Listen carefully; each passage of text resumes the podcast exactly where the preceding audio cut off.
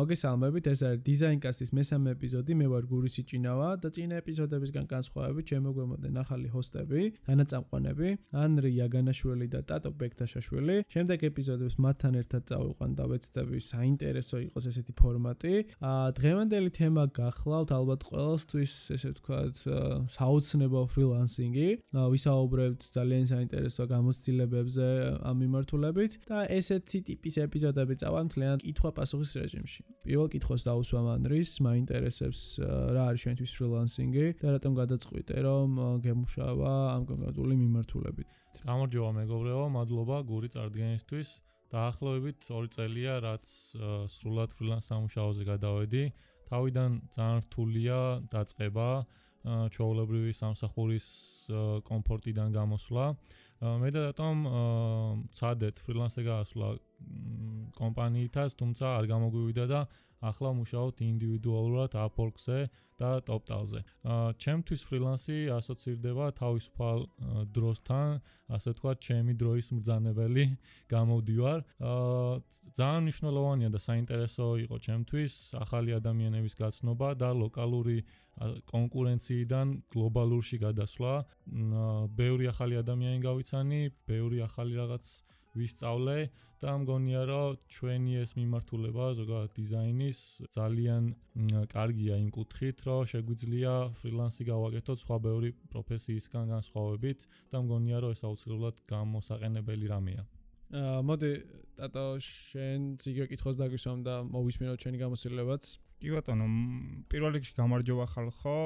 იდეაში ვეთანხმები ანრის ძირითადად ყველაფერში, ჩემთვისაც ალბათ უფრო ორ რამეს გამოყოფდი, რაც არის ჩემთვის ფრილანსინგი. ერთი არის თავისუფლება და ამ თავისუფლებას როცა ვამბობ გულისხმობ იმას, რომ შემიძლია მთლიანად დავგეგმო ჩემი დღე.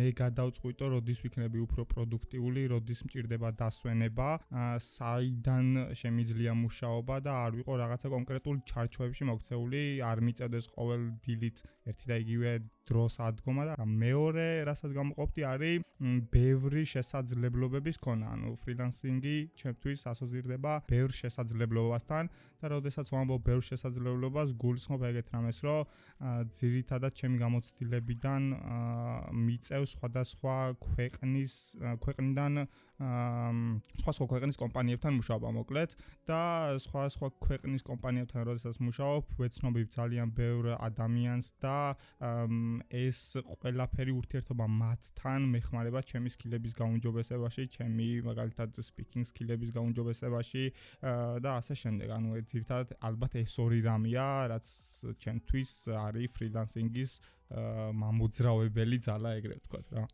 ძალიან საინტერესო ესე ვთქვა ტოპიკები ახსენეს, რატომ იყო მათთვის საინტერესო ფრილანსინგი.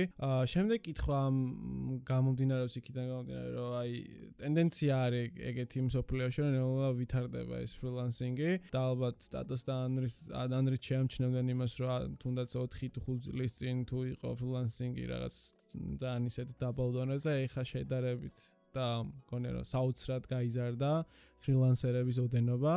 მოდი მოусმინოთ ტატოს ამ მიმართულებით რაც რესერჩივით აქვს გაკეთებული მგონი. კი, კი ბანო, დიდი რესერჩი არაფერი არ მაქვს იმართლა გითხრათ გაკეთებული, მაგრამ ნუ ცარსახარო ტენდენცია არის ესეთი, რომ ძალიან მზარდი რამეა ფრილანსინგი. პლუს ხელით ან იმას შეუწ კორონამაც რაღაც კუთხით ხელი შეგვიწყო, იმიტომ რომ დაგვანახა ხალხს, რომ არ არის საჭირო რაიმე კონკრეტულ ადგილას იყო, იმისთვის რომ გაკეთდე საქმე, შეიძლება რომ რიმოუთად აკეთო რაღაცეები, რაღაც ტასკები შესრულდეს რიმოუთად და რიმოუთად 9-5 არის მიბმული თავიდან ბოლომდე ფრილანსინგზე. რაც შეეხება თვითონ ინდუსტრიის მზარდობას, აი მაგალითად რა ვიცი, მარტომ ამერიკის მაგალითი რო ავიღო, წინა წლის შედეგები რო გავანალიზოთ, დაახლოებით 1 ტრილიონ დოლარზე არის საუბარი რევენიუს კუთხით მარტო ფრილანსინგის სფეროდან და 1 ტრილიონი დოლარი არის ამერიკის GDP-ს 5% დაახლოებით და ეგ რიცხვი მე მგონი იმას ამტკიცებს რამდენად მნიშვნელოვანი რამე არის ამერიკაში და არა მარტო ამერიკაში და სოფლიოშიც და ვფიქრობ, რომ ეგ რიცხვი უფრო გაიზრდება და უფრო მეტი და მეტი ადამიანი ჩაერთვება ამ კუთხით და იმუშავებს ეგ ეგეთ გარემოში რა. კი ბატონო, დავამატებდი ასევე იმას, რომ საქართველოსიც კარგი ძრები გვაქვს ამ მიმართულებით, community-ს ჭილშიც რო შევხედოთ საკმაოდ გაიზარდა მოთხოვნა და მოთხოვნასთან ერთად გაიზარდა დაინტერესებაც. ეს ზოგადად წილში რომ აი ფუნდამენტალები რითიც community არსებობს ხდება უფრო ხელმისაწვდომი, ანუ ერთმანეთს უზიარებენ გამოცდილებებს და შესაბამისად ინტერესი იზრდება. და ინტერესი იზრდება კომპანიების მხრიდანაც, რომ აი სჭირდებათ ისეთი კადრი, რომელიც იმუშავებს ესე თავისუფლად, გადაწყვეტს, ანუ თვითონ იქნება საკუთარი თავის მენეჯერი, და მენეჯერს საკუთარ დროს და ანუ ესეთი კადრი ალბათ გონია რომ ყოველთვის საინტერესო არის რა.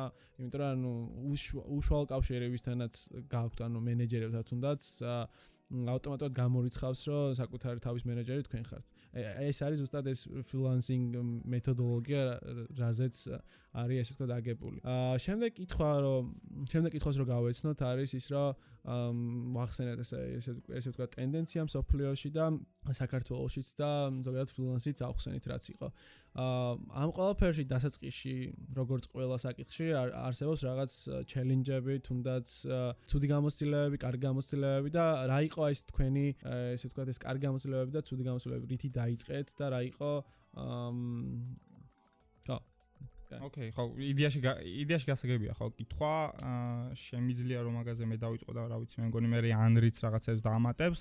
აა მე შემიძლია რომ გამოვყო ორი რამე ჩემი გამოცდილებიდან, ორი რამე, რაც რამ რაც გაჭირდა თავიდან, რისი და მენეჯმენტებაც გაჭირდა თავიდან. პირველი ეს იყო ალბათ უფრო კულტურული განსხვავებები და დამენახა სწორად აღმექვა რას მთხოვდა დამკვეთი, იმიტომ რომ მე ვიყავი შეჩოული საერთოდ სხვა გარემოს, საერთოდ სხვა ტასკებს და სხვა მოთხოვნებს და უცებ როდესაც გადიხარ გლობალურად და სხვადასხვა ქვეყნების წარმომადგენლებთან გიწევს ურთიერთობა, თავიდან რთული არის აფეხი აუწყო მათ მათ ყოველდღიურობას.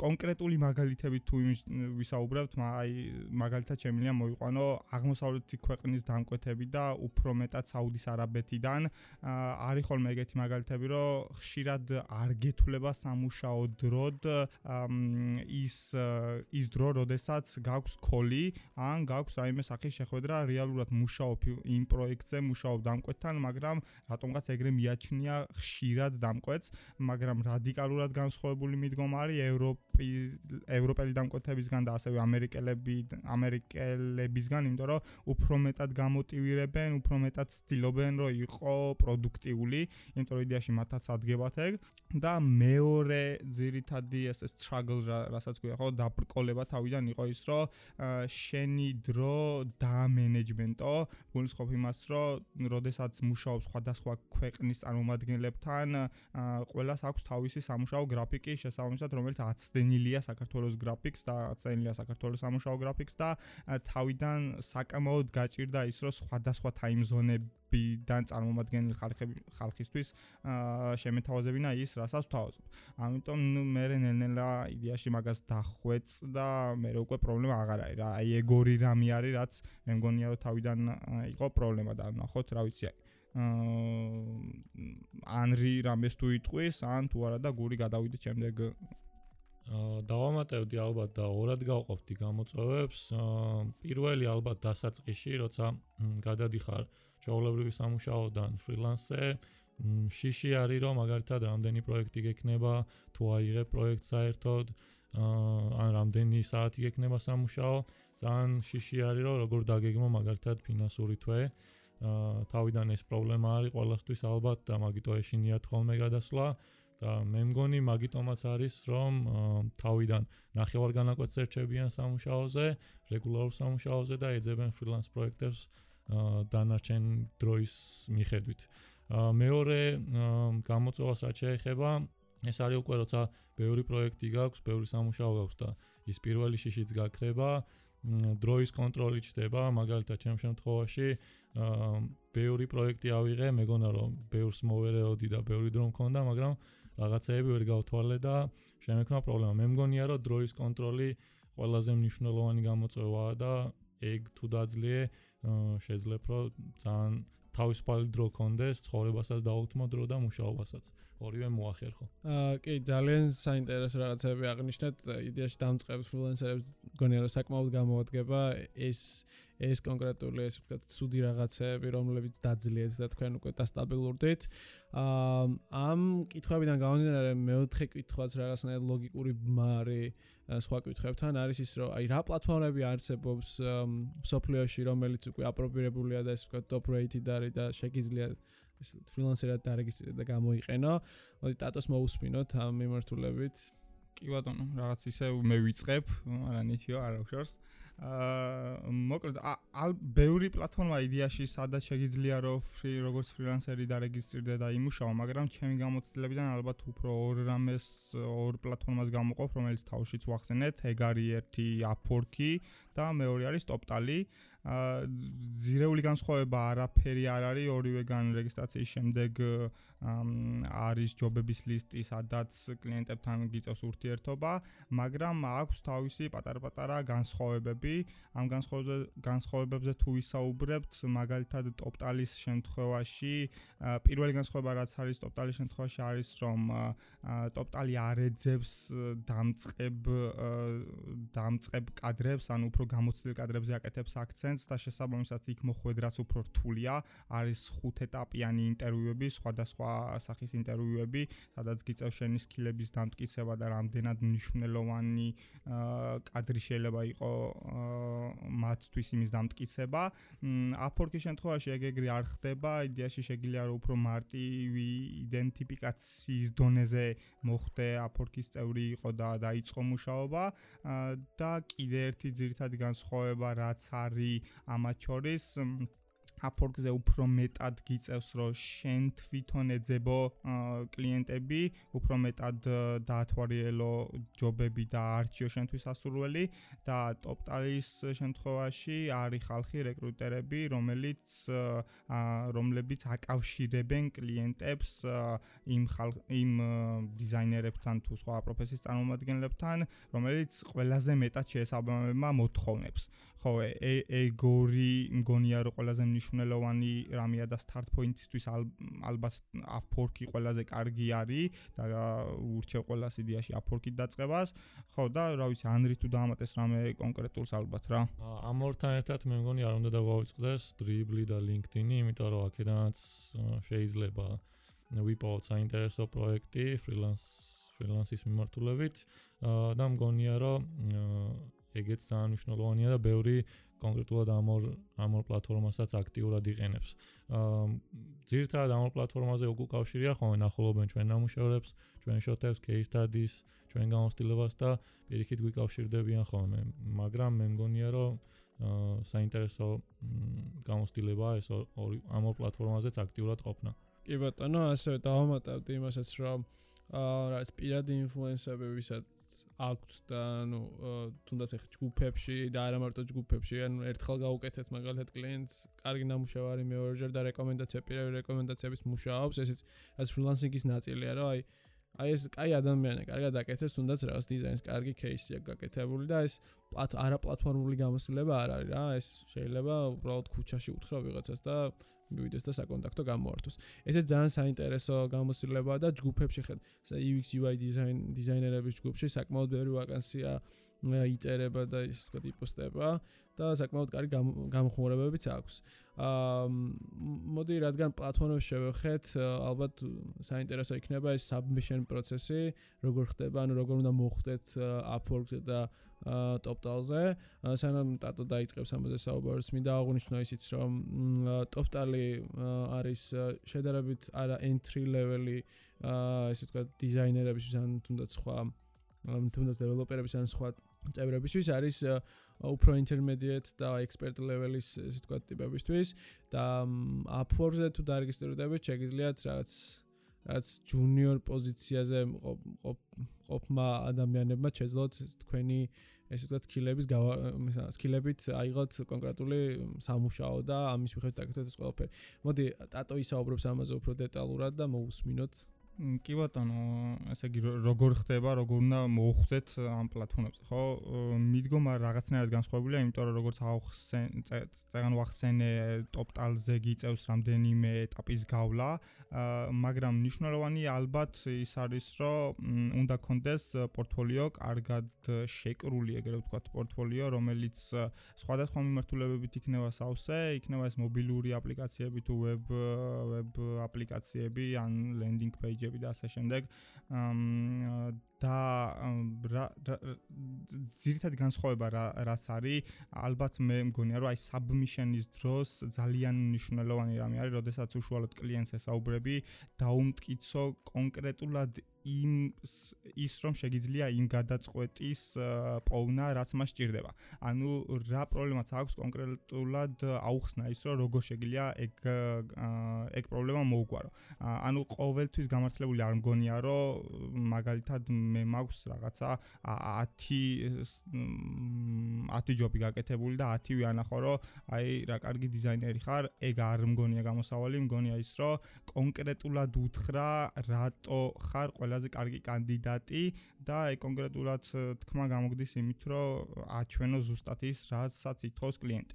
და ესე გლობალურად რო შევხედოთ, იდეაში მინიმუმ 6 აა ჩატარებული სამუშაო გჭირდება იმისთვის, რომ ანუ გულისხმობ პორტფოლიოში 6 6 ნამუშევარს რომ მოხვდეთ ოპტალზე როგორც მინიმუმ და კიდე ხო ერთი ნიშნულოვანი რამე რაც მინდოდა მე თქვა რომ არის რეალური case study-ების case study-ების დანახება კლიენტისთვის ანუ შენი პროცესი და მე მგონი ამაზე იდეაში ანრი უფრო ვრცლად ისაუბრებს იმიტომ რომ კარგი გამოცდილება აქვს მაგ კუთხით ანუ გულისხმობ იმას რომ აჩვენო კლიენტს რატო ხარ მის რატო ხარ ძალიან საინტერესო კანდიდატი და რატო უნდა აგარჩიოს მან?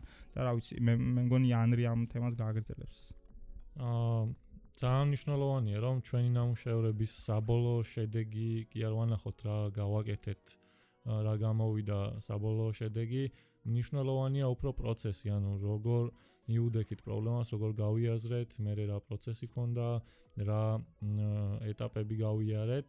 ე ჩემი მაგალითი შემთხვევაში ერთიორად გაიზარდა ასე ვთქვათ დაინტერესება კლიენტების მხრიდან, როცა ვაჩვენე ჩემი case study და ჩემი დიზაინ პროცესი ვანახე, ამით ხედავენ როგორ უყურებ შენ პრობლემას და რეალურად როგორ შეგიძლია კონკრეტულ პრობლემაზე ფოკუსირება. ამიტომ რა ჩემი რჩევა იქნება თუ დაიწყებთ Upwork-ს ან TopTal-ზე მუშაობას, case study-ები ძალიან მნიშვნელოვანია თქვენი პროცესის დანახება და რეალური შედეგი რა გამოდის თქვენი პროცესისგან, ეგ უკვე მაგის შემდეგ ხდება. კი ბატონო, ძალიან საინტერესო რჩევები იყო და მეც დავამატებდი იმას, რომ მეტად უნდა გააქტიურდეთ ამ პლატფორმებზე და ეცადოთ ანუ submission-ის შემდეგ ეცადოთ, რომ პირველი თქვენი ესე ვთქვათ სამუშაო მოძებნოთ და ამ მიმართულებით და კიდე კიდე უფრო დეტალურად ჯობებზე და კონკრეტულ кейსებზე შემდეგ ეპიზოდში ამ ამ თემის შემდეგ ეპიზოდში ვისაუბრებთ. დაგველოდეთ მოკლედ. აა ძალიან დიდი მადლობა რომ გვისმენდით. ბოლომდე მოყვებოდით ამ ამ ეპიზოდში. და აუცილებლად ეს ამ ხარვეზებს რაც გვაქვს ამ ეპიზოდებში თუნდაც წინა ეპიზოდში იყო აა ასე ვთქვათ ველით ფიდბექის დონეზე რომ კარგი იქნება თუ გვეტყვით რა რა არის ცუდი რა არის კარგი რა გამოვასწოროთ იმიტომ რომ ხარის გამომჯობესეთ და ხარისხი თქვენთვის რა თქმა უნდა კარგი იქნება. მ არაფერი მე მგონი დასამატებელი ამ სერიაში აღარ არის ანუ დაველოდოთ ალბათ უფრო შემდეგ პოდკასტებს ვეცდებით რომ უფრო საინტერესოდ გავშალოთ რაღაც თემები და უფრო მეტად საინტერესო რჩევები მოგცეთ მადლობა და ნახვამდის მადლობა მეგობრებო, ვინც გვისმინეთ და ორი მადლობა, ვინც ფიდბექსაც გვეტყვით, რა გამოვასწოროთ და ვეცდებით, რომ შემდეგი ეპიზოდები უფრო საინტერესო იყოს, უფრო გამართულად შემოგთავაზოთ ჩვენი პოდკასტები. thank you